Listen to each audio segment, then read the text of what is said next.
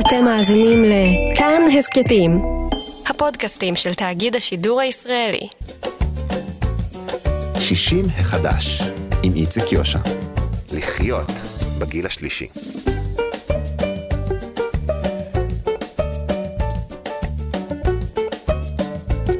שלום לכם, מאזיני כאן תרבות, אנחנו בתוכנית נוספת של 60 החדש, שמאז שהטאבלט חדר לחיינו, השימושים המועילים שלו מגיעים גם לבני הגיל השלישי, ואנחנו נדבר על כך עוד מעט. בסטודיו למשחק בתל אביב מטפחים קבוצת תיאטרון לבני הגיל השלישי, ונדבר גם על הסיכונים שעליהם חשופים דווקא המטפלים בזקנים. נביא לכם מוצר אחד ביום שיכול להיטיב עם היומיום שלכם. נבדוק מה קורה לזקנים במגזר הערבי. תהיה גם מוסיקה. תמיד מוסיקה.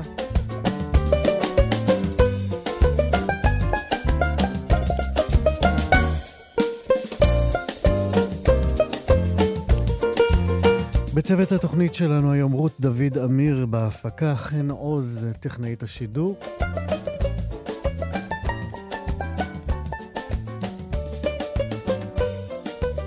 אני איציק יושע. 60 החדש.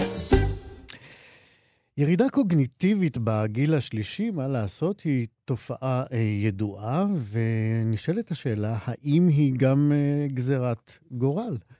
כנראה שלא בהכרח, כי, וזה כי למה? כי מאז שהטאבלט אה, נכנס לחיינו, חלו כמה וכמה שינויים אה, מועילים בעניין הזה. נועה גבעון שחם היא דוקטורנטית בחוג לריפוי בעיסוק באוניברסיטת תל אביב, והיא מרפאה בעיסוק במערך הגריאטרי של אה, מכבי שירותי בריאות. היא גם עשתה עבודה שבחנה את ההשלכות השליליות עקב ירידה קוגניטיבית בקרב אה, מבוגרים. אה, נועה גבעון גם אה, תציג את התוכנית הזאת בכינוס הדו-שנתי של האגודה הישראלית לגרנטולוגיה, שיתקיים בשבוע הבא. שלום, נועה גבעון שחם. שלום, בוקר טוב. מה שלומך? בסדר גמור, תודה. בואי נתחיל בלהסביר אה, בכללי מהי בעצם ירידה קוגניטיבית. אוקיי, okay, אז uh, בעצם אנחנו יודעים שעם העלייה, עם תוחלת החיים שהיא מאוד מאוד מבורכת, אז uh, אנחנו רואים בגילים, אה, ככל שהגיל עולה, אנחנו רואים יותר ויותר אה, תופעות של ירידה בתפקודי החשיבה, אה, שזה מה שאנחנו קוראים ירידה קוגניטיבית. מדובר על תפקודים כמו תפקודי הזיכרון ותפקודי חשיבה נוספים, כמו היכולת לפתרון בעיות, להסקת מסקנות, לחשיבה שהיא גמישה. בעצם כל התפקודים האלה מאוד מאוד הכרחיים לנו לחיים עם תפקוד גבוה ובטיחותי בקהילה. עכשיו, לא, הירידה, לא, כאשר היא קיימת, היא גורפת? היא בכל אחד מהתפקודים האלה, או שיש תפקודים שנפגעים יותר וכאלה שנפגעים פחות? זה, זה מאוד מאוד משתנה על פי גיל, על פי המצב הבריאותי, זה תלוי אם אה, לאדם יש אה, איזושהי מחלה של זיכרון, כמו אה, מחלות מסוג דמנציה, אלצהיימר וכולי, או ירידה שהיא ירידה קלה שלא משפיעה על התפקוד היומיומי. אנחנו יודעים שהתחומים שהכי נפגעים בקלות, זה התחום של הזיכרון, שאנשים גם הכי מרגישים אותו, שפתאום אולי הם לא זוכרים איפה הם הניחו חפצים, או אה, מה הם התכוונו לעשות, כן, או איזה מילה תופ... שלא נשלטת. כן, זאת, זאת תופעה שכולנו מכירים אה, יותר. אה, נכון. אגב, מה המחוללים של הירידה הזאת בזיכרון? אז חלק מהדברים זה באמת העלייה בגיל. שאז מה קורה במוח? אנחנו יודעים שעם העלייה בגיל, אז אה, תאי המוח בעצם אה, הולכים אה, ומתמעטים גם באופן טבעי, ולעיתים גם מתערבות בכך מחלות שמחישות את התהליך הזה, ואז תאי המוח הולכים ומתמעטים בקצב מהיר יותר, מסיבות שונות שחוקרים אותן בצורה מאוד מאוד נרחבת בעולם, ואז אפשר להגיע גם למצב של מחלה מסוג דמנציה. אבל אה, זה גם יכול להיות אה, ירידה שהיא ככה אה, יש שמכנים אותה נורמטיבית, שיכולה לקרות לכולם ולא מובילה למצב של מחלה. אז זה, זה, זה, זה בדיוק העניין, זה הטריקי ב, ב, במצב הזה. יש, את אומרת, היא לא מחמירה, הירידה הזאת, אבל איך אני יכול להיות בטוח שהיא לא תחמיר? אז קודם כל, אף אחד לא יכול בטוח שהיא לא תחמיר, אבל אנחנו, יש לנו דברים לעשות כנגד ההחמרה הזאת. יש לנו דברים שאפשר לעשות כדי לשמר את המצב של תפקודי החשיבה, ואולי אפילו לשפר אותו. היום הדברים שהכי הכי מדברים עליהם זה השתתפות בפעילות אה, קוגניטיבית, פעילות של תפקודי חשיבה, שמאתגרת בצורה משמעותית את המוח שלנו. פעילות כזאת שאנחנו מרגישים ככה את גלגלי המוח עובדים, ובתוך הפעילות הזאת אנחנו מכלילים גם uh, השתתפות בפעילויות פנאי כמו uh, uh, uh, שימוש במשחקי חשיבה, פתירת תשבצים וכולי, ובמיוחד למידת מיומנויות חדשות כמו למידת שפה זרה, למידת mm-hmm. נגינה, ובנושא שלנו, למידת שימוש במחשב או במכשירי טאבלט. וכך אנחנו מגיעים באמת למחקר שאתם עשיתם. אה, ספרי לנו באמת על הקבוצה שהשתתפה במחקר הזה. בני כמה היו המשתתפים? אז uh, המשתתפים שלנו זה באמת כולם uh, אנשים uh, מבוגרים, מעל גיל uh, 65, שכולם uh, חווים ירידה קלה uh, בזיכרון ובתפקודי החשיבה, אבל הם חיים באופן uh, עצמאי בקהילה, uh, אף אחד מהם לא סובל ממחלה של uh, תחום הזיכרון. כמו מחלות דמנציה. זאת אומרת, תנאי להשתתפות במחקר היה זה שמדובר בירידה גריידה נטו שלא מלווה במחלה נוספת שקשורה נכון, בירידה נכון, בזיכרון. נכון, וירידה שאנחנו יכולים לזהות אותה באמת במבחנים אה, אה, קליניים. כן. אגב, איך, איך, איך בודקים ירידה, אה, אה, את הגובה שלה? כמה היא קלה, כמה היא חמורה יותר, כמה היא... אה... אז יש לנו אה, מבחנים אה, סטנדרטיים אה, שמקובלים אה, בכל העולם, וגם אנחנו משתמשים בהם. למבחנים האלה יש אה, נורמות לפי אה, שנות השכלה, לפי גיל. על פי פרסומים שונים, מחקרים מאוד גדולים שנעשו על המבחנים האלה, ובצורה הזאת אנחנו יכולים להשוות כל אדם את התוצאות שלו לנורמה המצופה. כן, לפני שניגש לעניין של הטאבלט, שבשבילו התכנסנו כאן, כן. אה, אני רוצה לשאול אותך, האם אה, גם לירידות קלות, האם יש גם טיפול תרופתי שלא בהכרח אה, מצריך פעילויות חשיבתיות כהגנה, כמניעה? ל... אז אני לא רופאה, אני פחות מתעסקת בתחום התרופתי, אבל אני כן אומר שיש מצבים של ירידה קוגניטיבית שמתאים להם טיפול תרופתי. במצבים אחרים זה קצת פחות עוזר. אמ, בנוגע לטיפול התרופתי יש, אה, אין אה, קונצנזוס עדיין, כי עדיין לא מצאו את התרופה שיכולה אה, לחולל קסמים בנושא הזה. אמ, אבל יש לנו קשה. את הטאבלט שכן כנראה עוזר כנראה, לחולל כן. איזשהו קסם. בואי תספרי לנו, מה, איך גיליתם בכלל את האפשרות אה, אה, להיעזר בטאבלט כ, כמכשיר שמונע אה, ירידה קוגניטיבית? אז בעצם אנחנו, קודם כל באמת, אה, כמו שאמרתי מקודם, נסמכים על הספרות ועל הידע הנרחב שיש בנושא של אה, שימוש במשחקי וידאו שונים לטיפול אה, בתפקודי החשיבה, וגם של מיומנות, של, לימוד של מיומנויות חדשות. וניסינו לשלב בין השניים. הטאבלט זה מכשיר מאוד מאוד חדשני, כולנו כבר כמעט מסתובבים בכיס עם טלפון חכם, לאנשים רבים יש היום מכשיר טאבלט. זה בעצם מחשב שהרבה יותר קל לתפעל אותו ממחשב רגיל. השימוש בו הוא אינטואיטיבי מאוד, התפעול הוא קל, אפשר לקחת אותו לכל מקום. המסך שלו מספיק גדול כדי שנוכל לראות היטב את, ה, את מה שמוצג בפנינו, והאפשרויות לתרגול הן למעשה אינסופיות. אה, יש כל כך הרבה אפליקציות לתרגול שהן אה, מעניינות ו- ומרתקות ומובילות לתרגול נרחב, שמאוד מאוד רצינו ללכת על הכיוון הזה.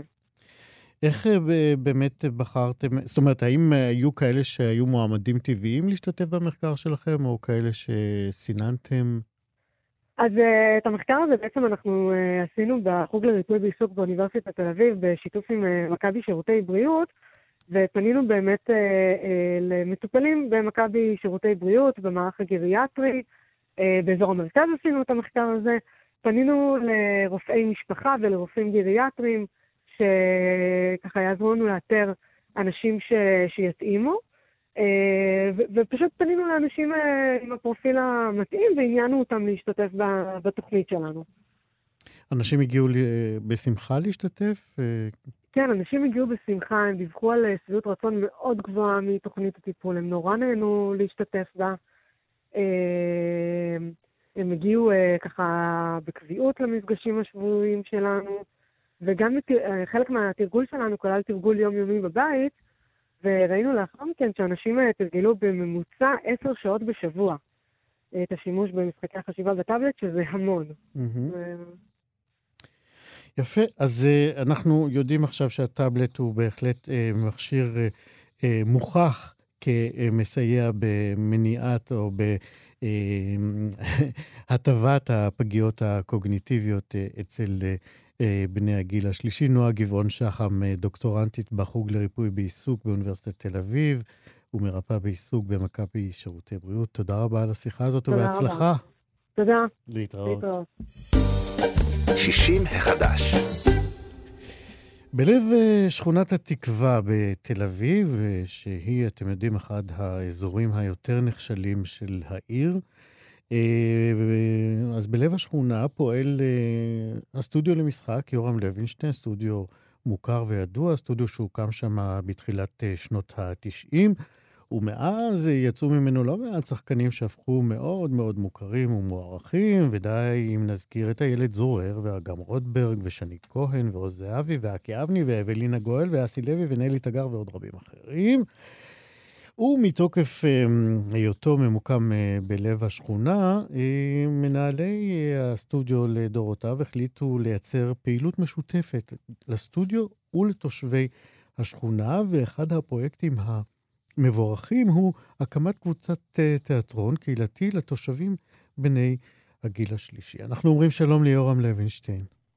שלום, בוקר, צהריים טובים. אתה המנכ"ל והמייסד של הסטודיו שלך. נכון, נכון. אני יודע שקבוצת התיאטרון אה, בהשתתפות בני הגיל השלישי היא רק חלק משלל הפעילות שלכם לטובת השכונה. תוכל כן. ככה בקצרה לספר על עוד הפעילויות שלכם בשכונה? כן, אנחנו עובדים עם שנה ב' וג' בלבד, שחקני, השחקנים שלומדים בבית ספר המקצועי, שנה ב' וג', כחלק מהכשרתם להיות שחקנים מקצועיים, מחויבים לעבוד בשכונה בדרמה, ואנחנו עובדים עם uh, 19 קבוצות בשכונה, uh, כ-300 איש, אנחנו עובדים עם קבוצות אה, של לקויי ראייה, אנחנו עובדים עם אה, ילדים עם בעיות רגשיות, ילדים על הספקטרום, אה, okay. ילדי פליטים מאריתריאה, אה, אנחנו עובדים עם אה, נוער בסיכון, יפה. נוער דתי ועוד אה, רבים. בואו נדבר על קבוצת התיאטרון. אה, כמובן, אה, אתם מבורכים על הפעילות הזאת. כן. בואו נדבר על קבוצת התיאטרון שהיא אה, ענייננו. מתי הקמתם אותה? דווקא אה, אה, של גיל הזהב זו הייתה הקבוצה הראשונה שהתחלנו. נהדר, התחלתם טוב. כן, ב-98-9, כשנכנסתי לשכונה, אה, והתושבים קיבלו אותנו כל כך יפה, שזה היה ממש מרגש. כי בהתחלה, אתה יודע, פחדתי, אני אשכנזי, ואף פעם לא הייתי בשכונת התקווה. ואפילו, אה, אתה יודע, פתאום אה, מקבלים אותנו כל כך יפה ומרגש וזה, ואז התחלתי לקלוט את הפוטנציאל שיש בשכונה להשאיר את השחקנים שלי.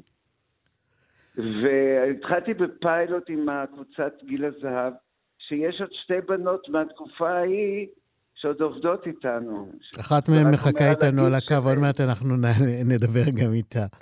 הייתה, היו שתיים שאפילו, אתה יודע, אז הם באמת כבר באמת היום אה, בגיל מאוד מוזהב, כמו שאומרים. אה, וחליל יצחקה, שהיה שהוא היום המנהל של כל הפרויקטים הקהילתיים, הוא היה אז תלמיד משחק, והוא הדריך, הוא עשה את הפיילוט הזה. אז איך באמת פועלת הקבוצה? אתם, אה, היא ממש פועלת כאנסמבל? זאת אומרת, אה, יש שחקנים קבועים? אה, איך זה, איך זה עובד? זו קבוצה מבית גיל הזהב ברחוב בועז בשיתוף עם, ברחוב בועז בשכונת התקווה. אני יכול להגיד על הקבוצה הזאת מהתרשמות חיצונית, שזה, אני קורא לזה קבוצת הסטריות. הן מתנהגות כמו שחקניות דיבות, כל אחת מהן. איזה חמודות. משהו, הן נלחמות על תפקידים בשיניים, כל אחת רוצה את הנתח שלה, ו... וזה מדהים, מדהים, מדהים. איזה, איזה, הצגות, איזה הצגות אתם אה, בוחרים? אה, איזה מחזות העליתם? תראה, זה מהחיים שלהם, אבל אני, אני רוצה לספר לך שקבוצת הבנות, אני קורא לקבוצת הסטריות, קבוצת הבנות, או איך... זה, הם, הם, הם, הם, אנחנו מנסים בתיאטרון שאנחנו עושים איתם, אה, להאיר אה, את החיים שלהם לקהל שבא לצפות בהם. זאת אומרת, לא... החומרים שאתם כות... אה, נכתבים חומרים... ביחד איתם. כן.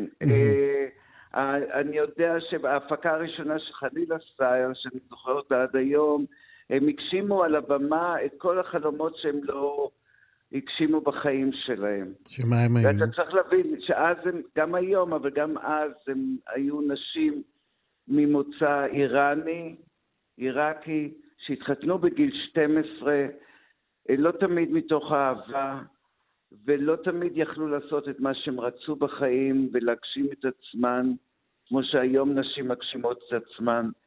ואז אה, אה, לאור המצוקה הזאת שעלתה, הם, אה, הם הגשימו את החלומות שלהם. אחת הפכה להיות מלכת היופי, עשינו תחרות מלכת יופי, ממש מבוימת, ועם חבר שופטים, ואחת מהם הפכה להיות מלכת היופי, והשנייה הפכה להיות רקדנית בטן שמגיעה מקהיר.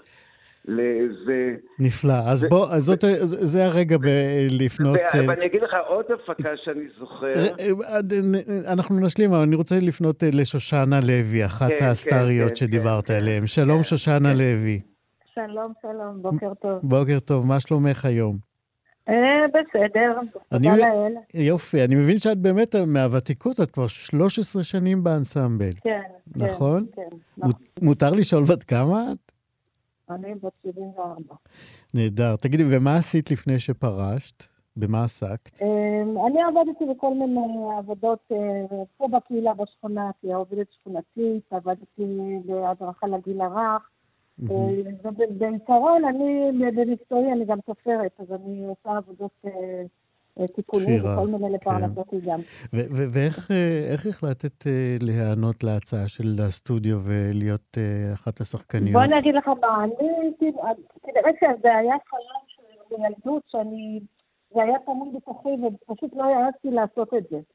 וכשהצטרפתי למועדון של גיל הזהב אצלנו בשכונה, חברות שלי שהיו אה, משתתפות בחוג לדרמה, הן שכנעו אותי, נו בואי תצטרפי אלינו. ואז הצטרפתי, ולאט לאט אה, נכנסתי עמוק לזה.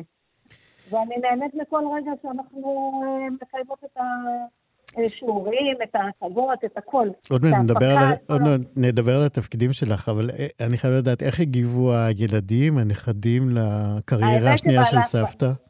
אז זהו, שבהתחלה הם כחכו, כי הם לא הבינו שאני אהיה מסוגלת לעמוד על הבמה, שגם אני לא הייתי מאמינה שאני אעמוד על הבמה, אבל בסוף עמדתי. והיום הם גאים בי, ויש לי אה, נכדה שלומדת גם כן אצל יורם לוינשטיין, שהיא בת 14 וחצי. אה, את היית השראה לנכדה. כן. איזה יופי. ויש לי עוד נכדה שהיא גרה בחולון, ושם היא לומדת גם כן משחק אה, באופן פרטי. כי זה כנראה שזה גנטי. תגידי, מכל התפקידים שעשית ב-13 שנים, יש איזה אחד שאת זוכרת במיוחד? אה, כן, אני זוכרת את התפקיד שעשיתי בזיכרון בודד בעץ הזיכרונות, שזה היה מונולוג שעשיתי עם הבן שלי, שהיום הוא איננו בחיים, ו... ואחד הסטודנטים שם שר אה, שיר שהלחינו אותו בסטודיו, וזה שיר שהוא כתב אותו. הבנתי, זה מונולוג שאתם כתבתם כן. בעקבות כן, פטירתו של הבן שלך. כן, כן. זה אחרי תחקיר שהסטודנט שליווה אותנו, הוא עשה, ויחד איתו כתבנו את, ה... את התסריט, כן. את זוכרת ו- משהו? את זוכרת משהו מהמונולוג הזה? אה, זה מונולוג ש- מהחיים שלי פשוט. ממש, ממש מהחיים שלי, כן. כן. תגידי, את חולמת...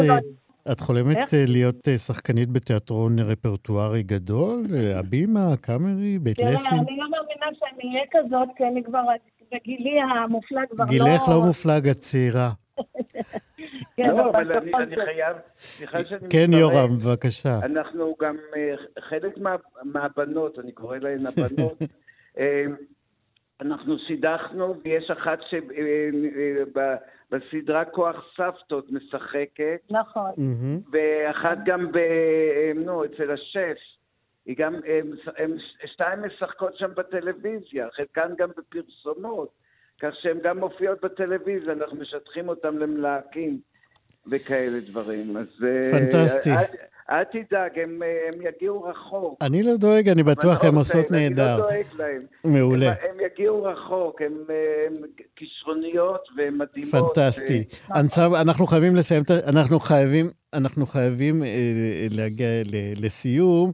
אה, אני רק אה, רוצה לשאול אותך, אה, מתי ההפקה הקרובה של האנסמבל, שאפשר לבוא, לראות, אם מישהו רוצה? וואו, לא הייתי מוכן, לא הייתי מוכן. אני חליל לא נמצא על הקו גם, כן? אז אנחנו נזמין את המאזינים אה, לחפש באתר של... כן, אה, חפשו באתר, זה מתפרסם באתר, כל ההפקות שלנו, גם הקהילתיות. אני חושב שהקשישות ובכלל תושבי השכונה מהווים השראה לתלמידים של הבית ספר. הם, אה, יש כאן חומר אנושי מדהים, פנטסטי. רב תרבויות, כן.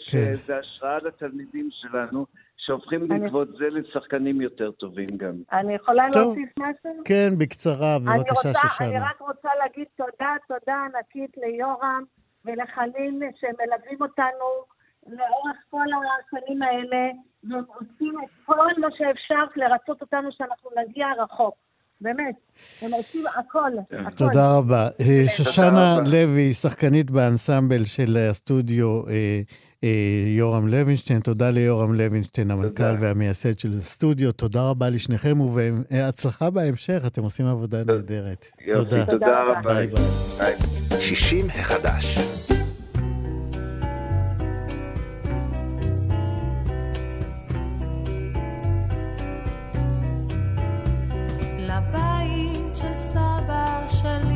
שלי שבכפר הוליכה דרך חומה של עפר. בשדות מסביב טיילו חסידות והיה שם אלון אחד גדל מידות ערובה קטנה פלטה שם עשן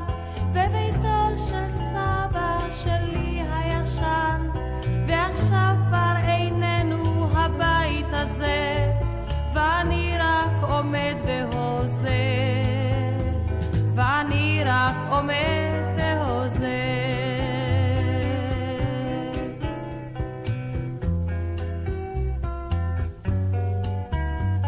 בבית של סבא שלי שבכפר היה שעון קוקייה ששר קוקו כזה שמיד נעלם וסבא שלי עישן וחלם ערובה קטנה פלטה שם עשן בביתו של סבא שלי הישן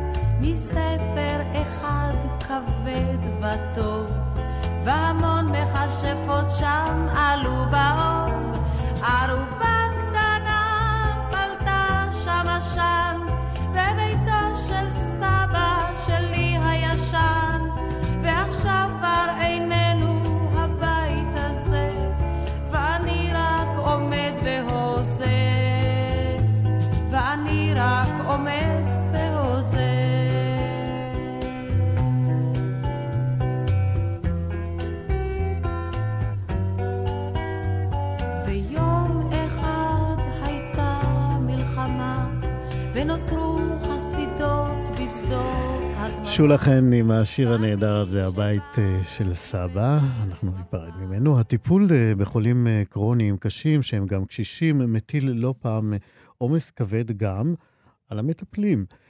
מה קורה כשהמטפלים העיקריים אה, בקשישים הם בעצמם בני הגיל השלישי? האם הם אה, חשופים לסיכונים מעצם היותם מטפלים עיקריים? אז בכינוס הדו-שנתי של האגודה הישראלית אה, לגרנטולוגיה, שיתקיים בשבוע הבא, אתם כבר יודעים, אנחנו מלווים את הכינוס הזה, הוא כינוס חשוב. ידברו בין השאר גם על אה, היבטים, ההיבטים האלה של הטיפול שהזכרתי עכשיו. הפרופסור אה, שרה כרמל היא ראש המרכז הרב-תחומי לחקר הזקנה באוניברסיטת בן גוריון, והיא שותפה במחקר שבדק את הסיכונים שאליהם נחשפים המטפלים. שלום, פרופסור כרמל. שלום. מה נ... בוקר טוב. בוקר טוב, תודה שאת מצטרפת אלינו. אה, מה ניסיתם בעצם לחקור כשיצאתם לדרך? אה, קודם כל אני רוצה לומר שהמחקר הוא משותף לפרופסור יעקב בכנר ופרופסור איה בידרמן. נכון. ומה שאנחנו אה, רצינו לבדוק הוא את המודעות של המטפלים הזקנים בבני זוג, המודעות שלהם לכך שבעצם הטיפול הם נחשפים לסיכוני בריאות. שזה מאוד מעניין. אתם, אתם ראיתם שבעצם יש כאן איזושהי תופעה רווחת, רחבה, שצריך, אני לא אומר להזהיר, אבל חייבים להעלות את המודעות לה? בוודאי, אנחנו ביססנו את המחקר הזה על מחקרים שנערכו בעולם ומצביעים על כך אה, חזור ושנה שטיפול אה, ממושך של אנשים זקנים, בבני זוג זקנים, אה, מהווה גורם סיכון, אה, במילים אחרות, חושף את המטפלים גם למחלות נפשיות, גם למחלות פיזיות ואפילו לתמותה. אם אתה רוצה, אני יכולה להציג לך מחקר אחד שהוא מאוד מפורסם. בשמחה, אנחנו רוצים להבין באמת, כי זה די, די הייתי אומר אפילו, את יודעת, קצת מרתיע, אבל אנחנו, בואי תציגי את המחקר ונמשיך.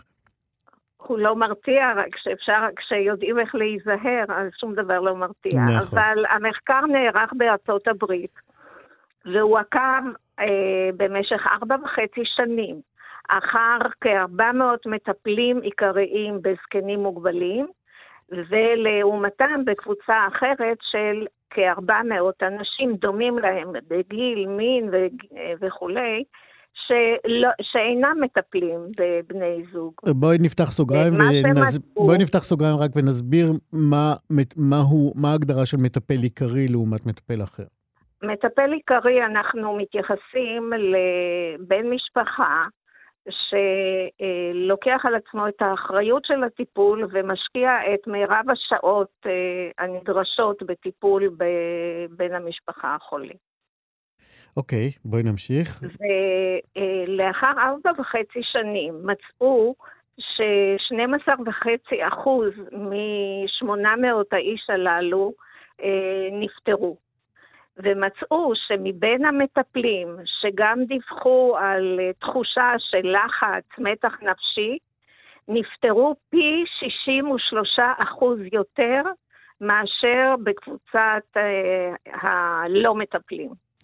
הלא מטפלים כלומר, עסקו... כלומר, ואני מדברת פה על מוות. כן, זה, זה, זה דרמטי. הלא מטפלים אבל עסקו בתחומי טיפול אחרים, או בכלל לא, לא עסקו בטיפול? לא עסקו בטיפול בזקנים. Mm-hmm. בבני הזוג וגם לא בבני משפחה אחרים. ואיך בעצם מה, המסקנות שלכם? אגב, יש, יש הבדל בין מטפלים נשים למטפלים גברים? ברמת הסיכון שהם נחשפים אליו? בוודאי. קודם כל, בכל העולם, לא רק אצלנו, אבל גם אצלנו, אה, בסביבות 70 אחוז מהמטפלים הן למעשה מטפלות, נשים. Mm-hmm. אה, או בנות זוג, או בנות, או כלות. ובמחקר שלנו, כמו גם במחקרים אחרים, מצאנו שהנשים מטפלות בצורה יותר אינטנסיבית אה, בזקנים. הן לוקחות על עצמן גם טיפול אישי, כמו רחצה, אה, האכלה וכולי, בעוד שגברים שהם מטפלים, הם דואגים בעיקר ל... אה, לסידורים שמחוץ לבית. מהמם. אז הם גם נחשפים לטיפול הרבה יותר אה, מדולל. קשה ו- ומשמעותי מהמם. מאשר הגברים, והן באמת מתלוננות על עומס רב אוקיי. יותר וגם פגיעות יותר. כן. וזה מצאנו גם במחקר שלנו לגבי מודעות. יש מדדים שיכולים אה, ל- למתן את הסיכונים או את הנזקים שנגרמים למטפלים? זאת אומרת, אה, ת- אה, תהיתי ביני לבין עצמי, האם לעובדה, נגיד שהמטפל, האם אם הוא נמצא למשל בזוגיות, האם הוא חסין יותר מפני פגיעות ב- בהיותו מטפל? תראה, אנחנו קודם כל חקרנו בני זוג, זאת אומרת, הם נמצאים בזוגיות. אנחנו חקרנו אני כאלה מדבר על המטפלים, ב- לא על המטופלים. כן, המטפלים אוקיי. מטפלים בבני זוגם, כן? הבעל מטפל באשתו, האישה מטפלת בבעלה. רק כאלה אנחנו כן, חקרנו. אה, הבנתי. חשבתי ש... אז זה, אוקיי. זה, זה לא גורם שיכולנו לבדוק, אבל יכולנו לבדוק איכות הזוגיות, אבל את זה לא בדקנו. לא, כמובן, אני חשבתי שבדקתם גם מטפלים שאינם בני, אה, לא, אה, לא. שאינם בני הזוג. לא, לא, חקרנו רק כאלה. והסיבה שחקרנו, כפי שאמרתי קודם, זה שאנחנו מודעים לכך שהאנשים האלה הם אה, פגיעים מאוד אה, לתחלואה ולתמותה.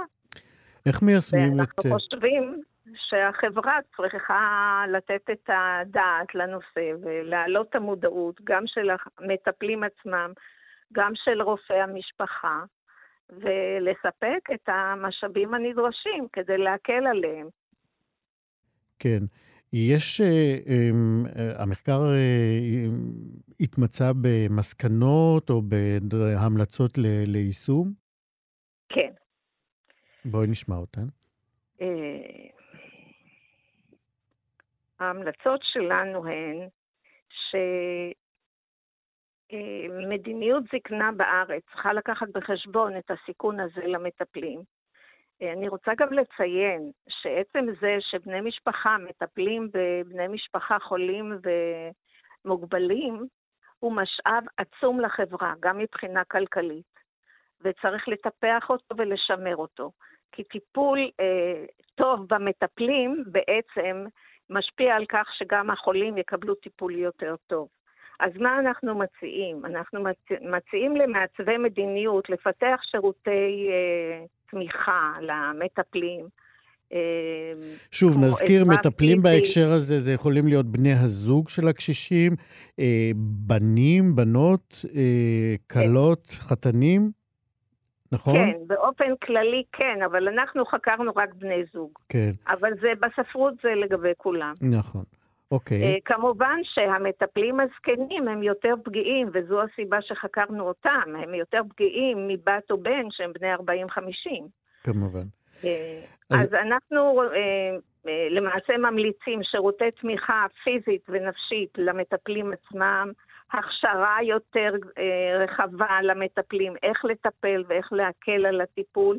ומה שחשוב במיוחד, וחקרנו גם את הרופאים, מה שחשוב זה להכשיר את הרופאים בקהילה, את רופאי המשפחה, להיות מודעים לכך שהמטפלים הזקנים מהווים קבוצת סיכון לתחלואה ותמותה. איך זה יכול להשפיע על ה... בהם, איך... לעקוב אחריהם, להציע להם דרכים להימנע מהידרדרות בריאותית.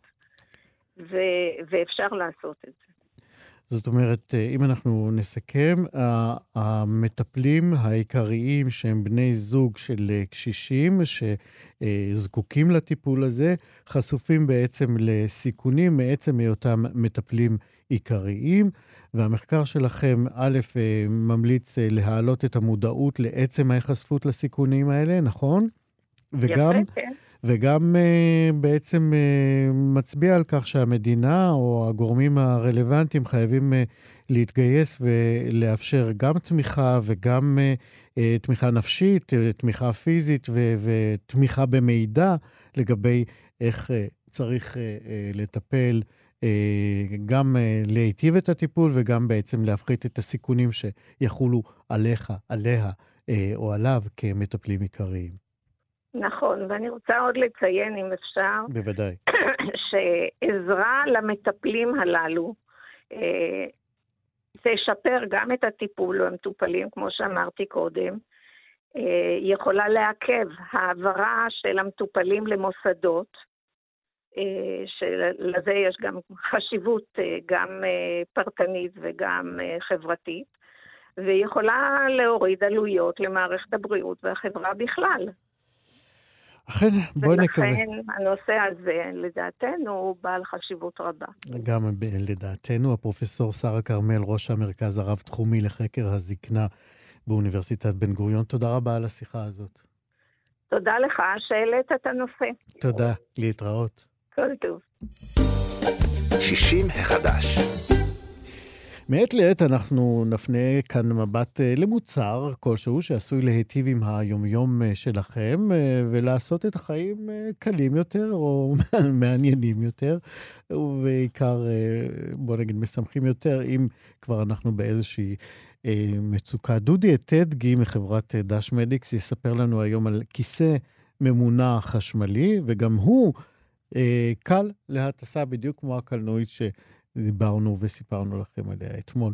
שלום דודי אטדגי.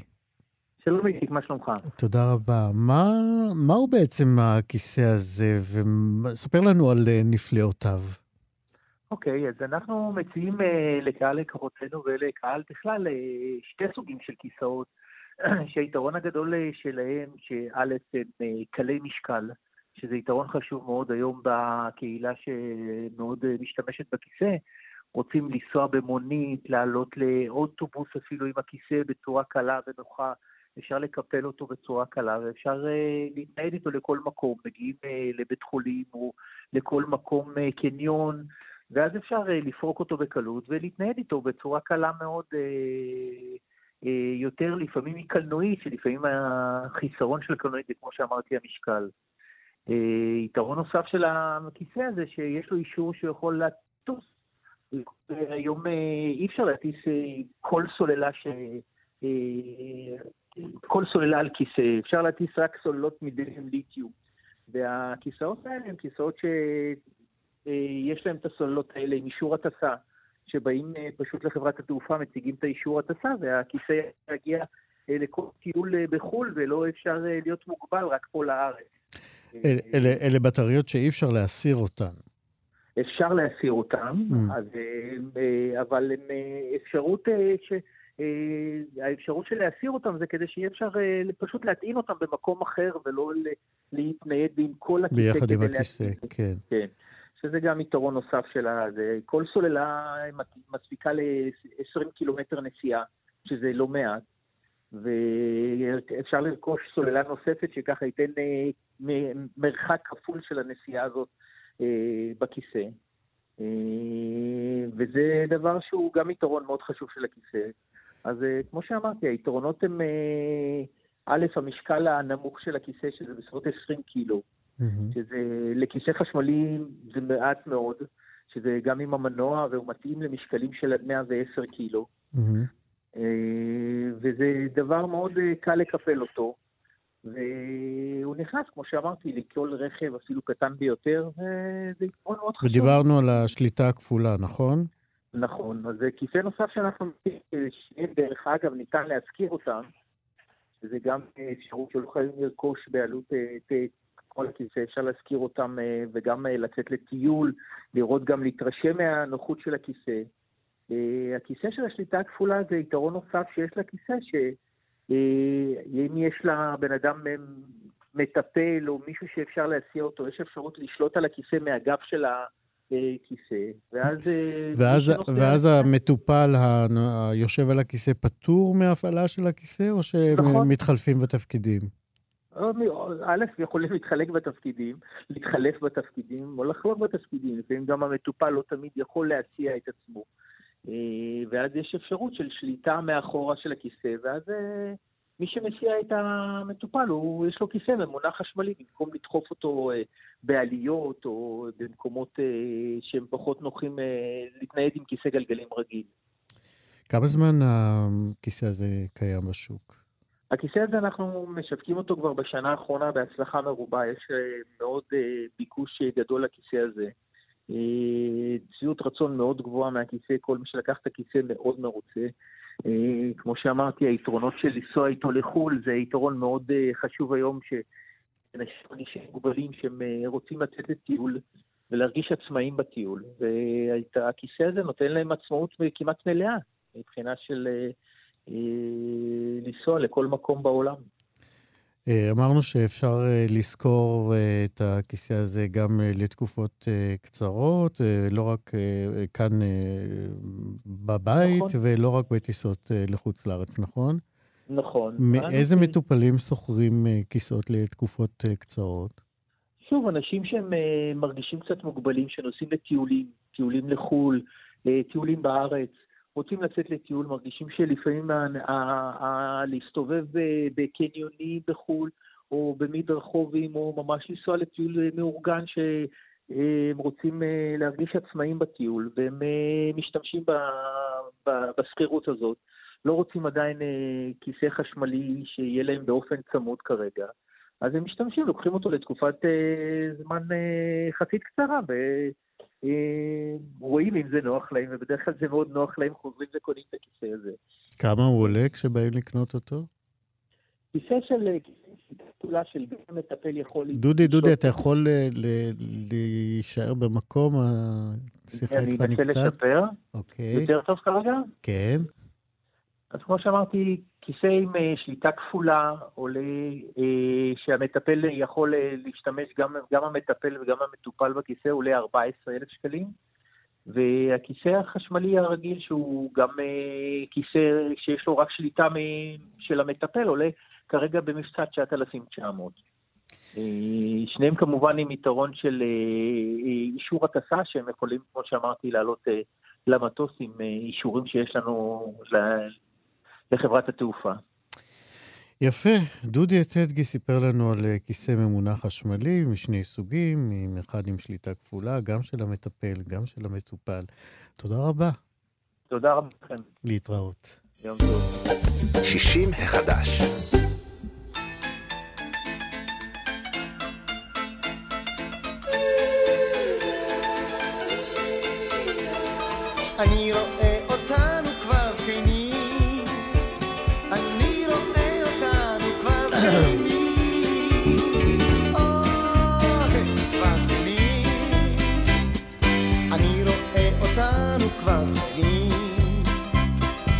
מבקש, בואי לישון ואת מסרבת, תראי פתאום עברו כל השנים, רק את נשארת תמיד, כי את אותי אוהבת.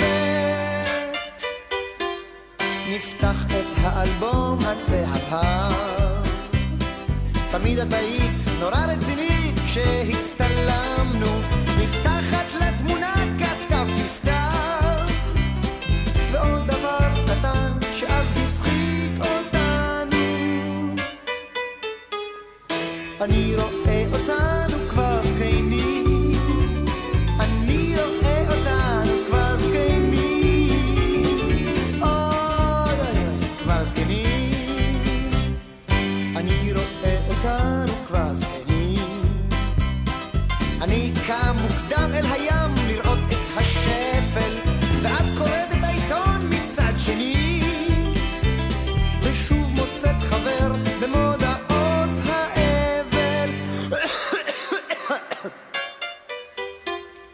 ובלילות אנחנו רק חולמים על כל הימים הטובים שנשקו לשפתייך. הייתה לי גם אחרת לפעמים,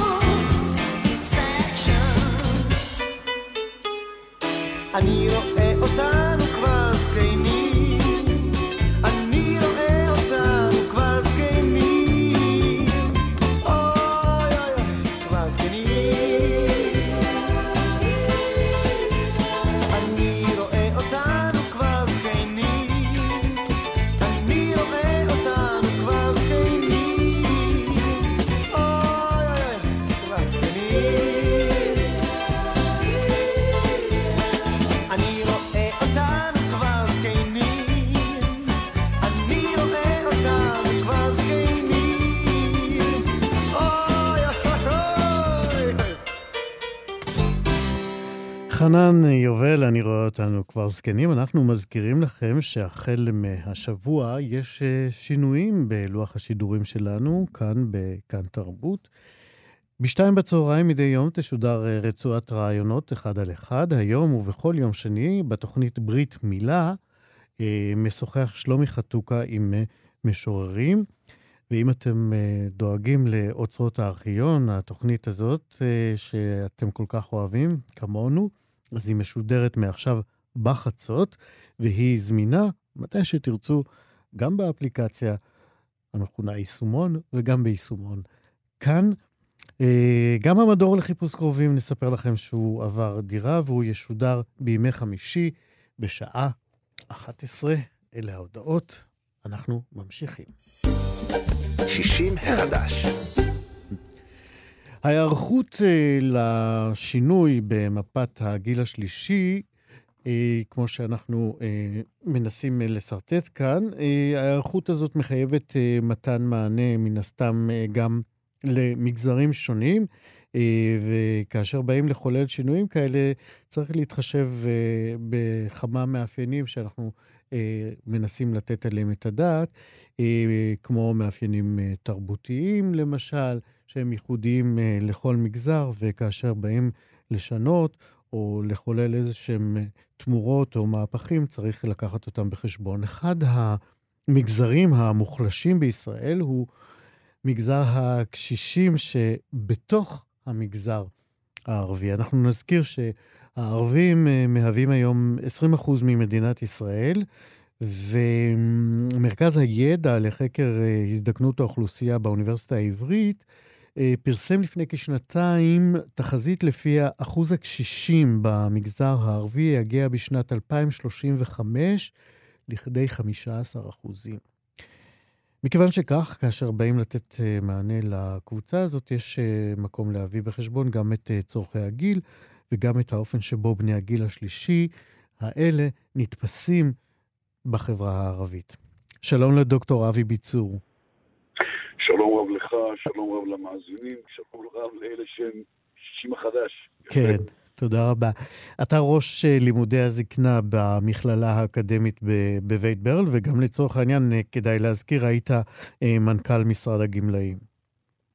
אמת. לפני שניכנס לייחודיות שבהתייחסות לקשישים הערבים, אה, אני רוצה שתציג רגע אה, את אה, מפת הפערים בהקצאה של משאבים. אנחנו יודעים שיש פערים בין אה, הקצאת משאבים ל, אה, כמעט לכל המגזרים, בין המגזר ה- היהודי למגזר הערבי. אז בואו, בהקשר של הקשישים הערבים, בואו נציג את הפערים. הפערים אה, שאני מציג, אני מראש רוצה רק להגיד הסתייגות אחת ברורה, זה לא מתוך לא אפליה פוליטית או משהו אחר, וזה לא ענייני. ולא, אני מניח ש... אנחנו מדברים על עובדות, בלי השלכות עובדות. ובלי העובדות פרשנויות. הפשוטות, שאתה בא ואתה אומר, אוכלוסייה שהמחקר פורסם לפני כשנתיים, הם היו 8% בלבד. זו הייתה תחזית. כן, אה, שהתקפה לא, לא, לשנת מדבר- 2035. המספר, המספר ב-2018 היה 8% מהזקנים הישראלים בכלל, שאז היה 930 אלף. בגלל עלייה בתוחלת החיים, היום יש כמיליון מאה אלף זקנים בישראל, ועד על 35 מדברים על הכפלה כמעט. כן, ואנחנו מדברים על כמעט 10% בזקנה הערבית, זאת אומרת יותר זקנים במגזר הערבי שהוא המגזר הצעיר בין שאר המגזרים. ואז אתה אומר, מה זה פערים למשל? אז אני לא מדבר על קצבאות, קצבה היא אותו דבר בכל מקום, אני מדבר על למשל מרכזי יום או מועדונים, זה לא יאומן.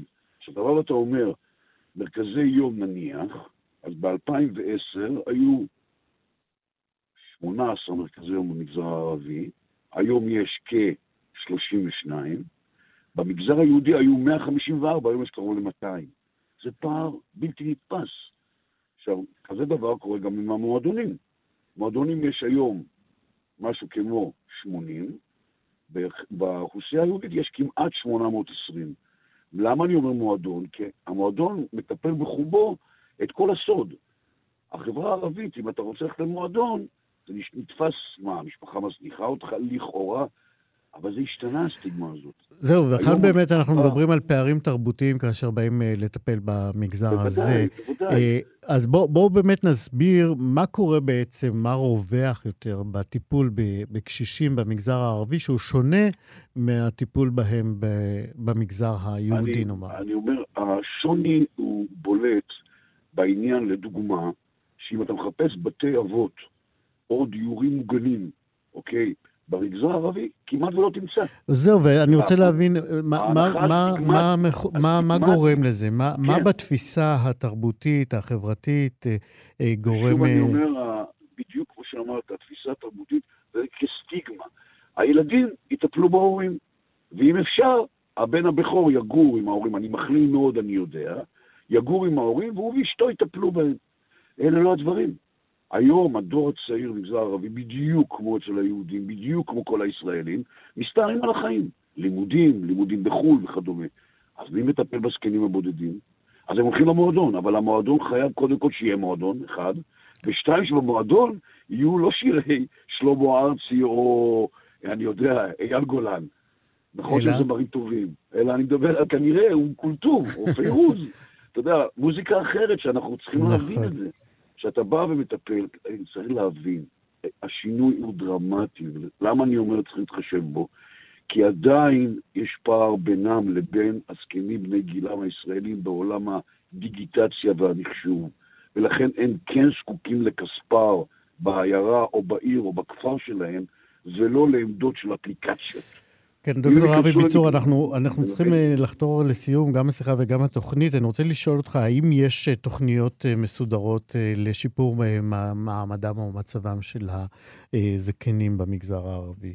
יש ניסיונות בכיוון הממשלתי לתוכניות מקומיות. אני חושב שצריכים לעשות תוכנית כוללנית, מתכללת, לאומית, לגבי מה שנקרא המגזר ומגזרים אחרים, וגם לגבי היהודים, זה ברור גם לגבי היהודים לדבר. אין לנו ברירה, זקנים הם זקנים הם זקנים, לא מעניין אותי אם הם ערבים או יהודים. והדרת אני חושב ש... בדיוק, אני חושב שזה זה משפט נהדר. לסיים איתו. משפט נהדר לסיים איתו. פשוט. נכון, אתה צודק לגמרי. זקן הוא זקן. הוא זקן באשר הוא. דוקטור אבי ביצור, ראש לימודי הזקנה במכללה האקדמית בית ברל, ולשעבר מנ- מנכ"ל משרד הגמלאים, תודה רבה, להתראות. תודה רבה, יום טוב.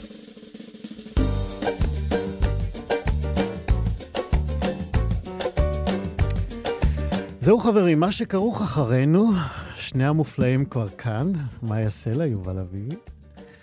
איציק יושע זה אני, נפרד מכם אה, בעוד תוכנית של 60 חדש. תודה רבה לרות דוד אמיר על ההפקה, תודה רבה לחן עוז, טכנאית השידור. תודה רבה, להתראות מחר.